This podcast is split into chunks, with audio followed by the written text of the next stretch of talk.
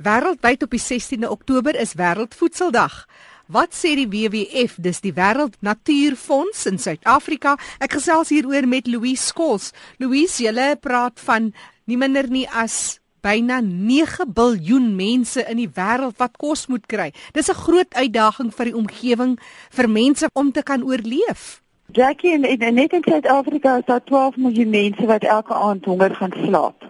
Um, en ek dink dit is die rede hoekom wêreldwyd die die voedseldag is 'n tema vir hierdie jaar is familieboer vir die wêreld en sorg vir die aarde. Want ons standpunt is as meer mense tuis hulle eie groente en kos verbou en tuis kook, gaan ons almal gesonder wees, minder gewigsprobleme hê en natuurlik die ander positiewe sosiale voordele hê van as 'n familie saam eet in die aand. Ons hoofboodskap met die wêreldvoedseldag is kook by die huis en kook kos wat jy self gekweek het. Of jy dit nou doen in jou agterplaas of jy dit doen as 'n klein boer of as 'n groot kommersiële boer, die koolstofvoetspoor al hoe meer is die pleidooi dat dit so lig as moontlik moet wees in die prosesse wat ons gebruik. Ek dink ek dink wat wel gebeur het is dat mense se eetpatrone reg oor die wêreld het begin verander. So in Suid-Afrika byvoorbeeld sien jy ongelooflike toename in die aankope van kitskos. En kitskos het 'n ongelooflike voetspoor want dit is verwerkte kos, dit kos wat dikwels lang afstande vervoer word. Daar's addisionele prosesse wat toevoeg tot die voetspoor. So kos wat jy by die by die huis kook, het niks van daardie vervoerkoste ingesluit nie, niks van die prosesseringskoste ingesluit nie, natuurlik niks ingesluit van al die die aanvullings nie. Soortgelyk wêreldwyd sien ons dat in China is daar baie groot aanvraag na uh, beesvleis, soos die Chinese meer welvarend word, meer aspirasioneel leef. En dit beteken dat daar al hoe meer grond in Brasil onder soja produksie is want hulle verbou dit as 'n deels ook as voer vir uh, vir beeste. So jou probleem is is dat grond wat gewoonlik uh, gebruik is vir groente vir mense word toenemend nou gebruik vir voerstowwe vir goed soos beeste en en, en hoenders. Waarin dink jy sal 'n mens die tendens van kitskos uh, aanvraag wat so toenemend Suid-Afrika toeskryf? Aan die een kant is dit dat is sodat mense bietjie meer geld het om te bestee aan kos, so in plaas van om 'n miskien 'n bordjie mieliepap uh, te maak kook koop hulle 'n McDonald's hamburger. Maar dit is ook aanduidend van 'n ander probleem en dit is dat meeste vrouens werk. Baie vrouens wat in laer inkomste groepe werk, reis baie lang afstande om elke oggend by die werk te kom en weer in die middag by die huis te kom. So dit is tyd dat so 'n vrou by die huis kom, het sy eintlik dit was nie meer tyd om iets te kook nie. En dan is dit makliker om op die pad vinnig te stop en kitskos te koop. Die prosesse wat gebruik word om daai van daai kos te maak, is glad nie omgewingsvriendelik nie. Jy kyk na fabriekproduksie op plase, né? Dit is dan beeste wat in voerkrale is wat baie intensief gevoer word en daar kos wat hulle gevoer word moet van elders kom en dit kom dikwels van ver. Die klein besparingkie wat gebeur op huishoudelike vlak wat die voetspoor betref, is so klein. Jy kan dit glad nie vergelyk na die groot voetspoor wat 'n groot ketting kitskos groepe. Hulle hulle kostof 'n voetspoor is verskriklik groot. Nie alleen die kos nie, maar die prosesse wat hulle gebruik om daai kos te verwerk en die afstande wat daai kos moet reis. Alles word van 'n sentrale depo uitgestuur of dit nou in Johannesburg of Kaapstad is of Durban. En die gesondheidsimpak daarvan ek, ek ons sien dit in kinders wat toenemend gewigsprobleme het. Ons sien dit in 'n toename in diabetes. Ons sien dit in 'n toename in hartaanvalle. Dit kos dit ongelooflik baie uh, addisionele sout en suiker in wat jy nie as 'n huisvrou by die huis sonder meer net by jou by jou kos byvoeg nie. As ons kyk na die pleidooi van 'n dag soos Wêreldvoedseldag, wat sê ons vir mekaar ten opsigte van 'n volhoubare, 'n skoner, groener omgewing, 'n lewenskwaliteit? Wat sê WWF vir Jan en San publiek vandag? Ek dink navorsing wêreldwyd het bewys dat die mees omgewingsvriendelike ding wat jy rondom jou dieet kan doen is om proteïen te beperk. Beeste het waarskynlik die grootste koolstofvoetspoor van almal. So deur jou inname van rooi vleis te beperk, miskien bietjie meer hoender te eet, die regte vis te eet, maak jy al, klaar 'n uitslike verskil in jou persoonlike voetspoor. Dis nie noodwendig 'n goedkoop dieet nie. So mense met minder geld het om te bestee aan aan kos het natuurlik uitdagings en dit is hoekom kitskos so populêr is. So toenemend ongeag of jy in 'n hoë of 'n lae inkomste groep is, moet ons baie meer bewuslik dink aan wat ons eet en waar ons kos vandaan kom. Dit is hoekom die pleidooi van eet plaaslik so goed is want dit dit is presies dit. Jy koop kos wat naby jou verbou is, wat nie lang afstande vervoer is om by jou te kom in die, in 'n kettingwinkel waar jy dit koop nie. En 'n verlenging van daardie pleidooi is koop dan jou eie kos. Kyk wat jy maklik in jou agtertuin kan kweek. In die meeste Afrika lande is dit 'n lewenswyse. Dis Louise Skols wat gesels het. Sy is van WWF Suid-Afrika. Hulle het wêreldwyd hulle pleidooi ingestuur ten opsigte van Wêreldvoedseldag die 16de Oktober. Ek gesels nou verder hieroor met Dr Hendrik Smit. Hy is bewaringslandboufasiliteerder van Graan Suid-Afrika. Dis nou waar ons 'n rol sien vir bewaringslandbou omdat dit ook kyk na die omgewing. Met ander woorde dis 'n omgewingsvolhoubare landboupraktyk maar dit stel ook boere en dit geld nou enige boere dit sal kommersieel maar ook klein boere mm. veral gee hulle die vermoë om te produseer met minder eksterne insette maar dit laat hulle toe om daai volhoubare hoër produksie te gee wat natuurlik vir hulle toegang tot tot kos gee. Dit is baie belangrik dat ons hierdie praktyke by alle boere, maar in hierdie geval omdat dit nou ehm um, wêreldvoedseldag is. En ons praat eintlik dan nou van hongersnood ook in 'n groot deel van Suid-Afrika, veral aan ons kleinboere. Dit is belangrik dan dat ons hierdie praktyke by die kleinboere uitkry sodat hulle volhoubaar kan kos produseer, volhoubaar omgewingsvolhoubaar, maar ook dan nou ehm um, wat hulle in staat stel om om toegang te kry tot tot daai kos. Hendrik, so hoe kan jy op kleiner stukkies grond, die grond tot jou beskikking in jou agterplaas, klein boere ten volle benut om dan so omgewingsvriendelik, volhoubaar moontlik ook aan jou behoeftes voorsien, jou familiesin, as ons die praktyke toepas van bewaringslandbou. So bewaringslandbou omdat dit ehm um, die grond verbeter as jy dit reg toepas en die grond se verbetering jou dan toelaat om hoër produksie te lewer met minder insette of minimale insette wat hulle kan bekostig. Mm. So gaan jy dan nou die kleinboere op klein stukkies grond tog tot 'n punt bring waar hulle genoeg kan kos produseer vir hulle familie vir 'n hele jaar. So hulle verbeter hulle grond wat natuurlik hulle die basis is van van landbou van van kosproduksie. Mm.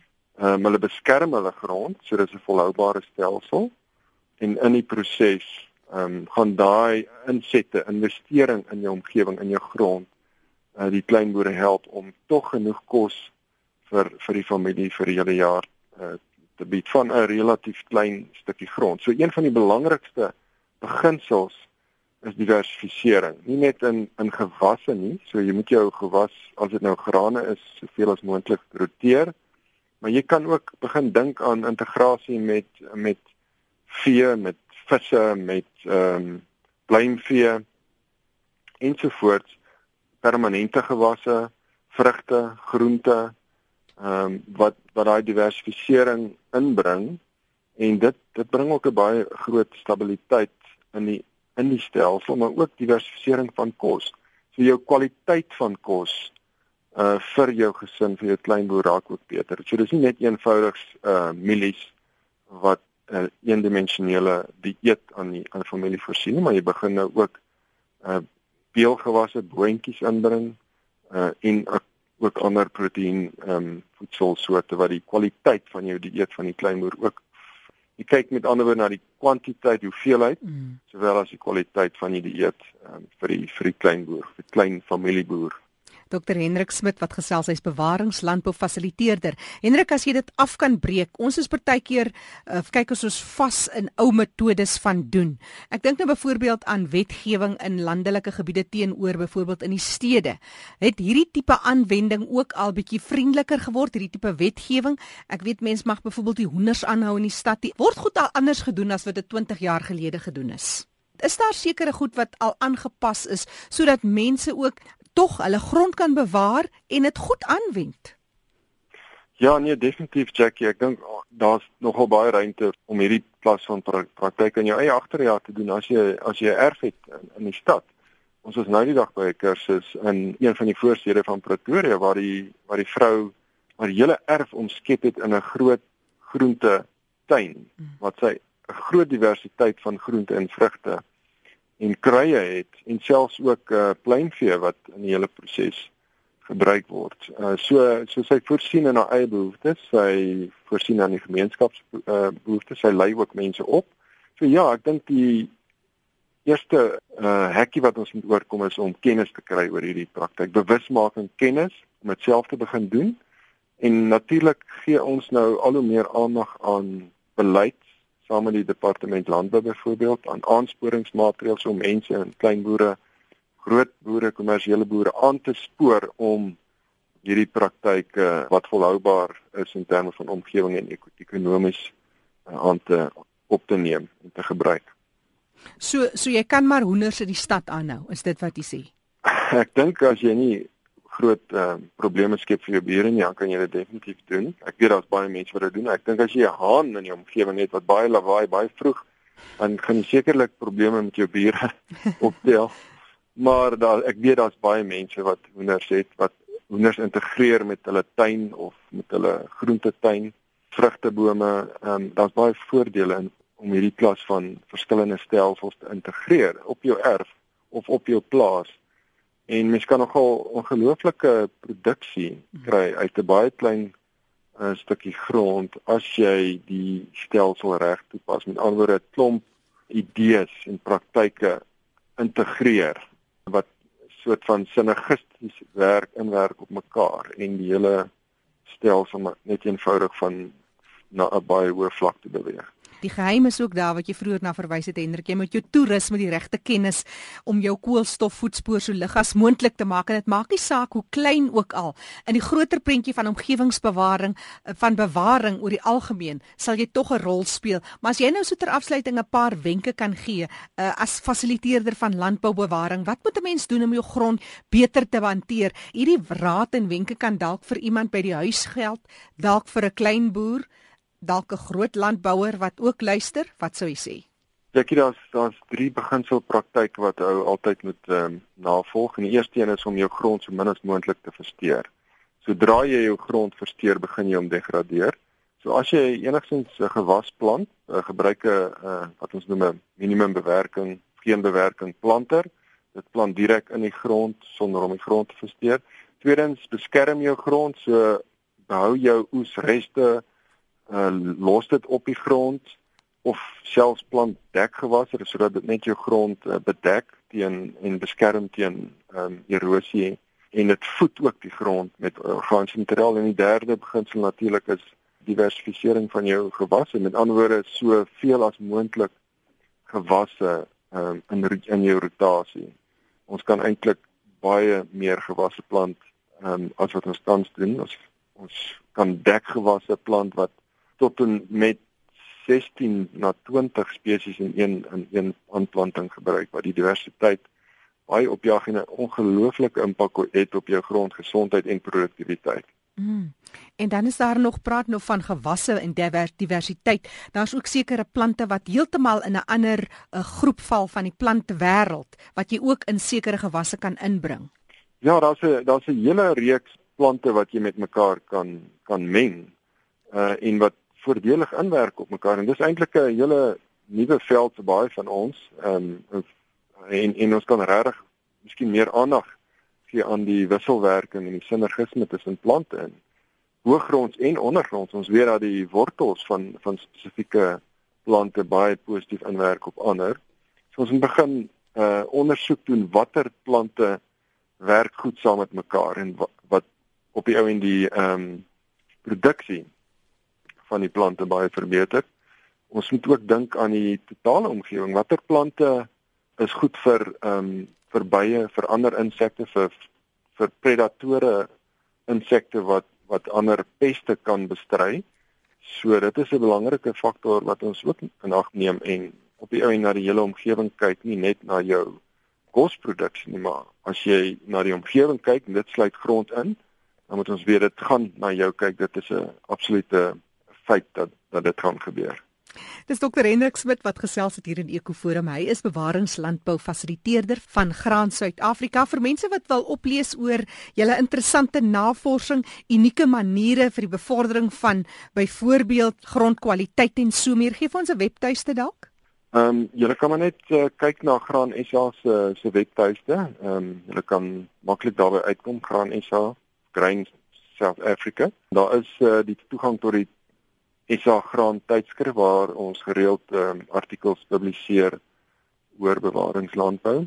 In elke uitgawe is daar een of twee artikels oor bewaringslandbou. Mm. En dan ek dink die internet lê vol inligting oor bewaringslandbou mm. oftewel conservation agriculture in in Engels. So ek dink mense kan gerus moeite doen en 'n bietjie tyd spandeer om op te lees en bewus te maak en kennis op te bou oor bewaringslande want dit is absoluut die toekoms want want ons moet beweeg om ons eerstens ons ons hulpbronne ons omgewing op te bou te herstel en ook vir ons uh, verseker van volhoubare kosvoorsiening. Dr Hendrik Smit wat gesels het, hy is bewaringslandbou fasiliteerder van Graan Suid-Afrika.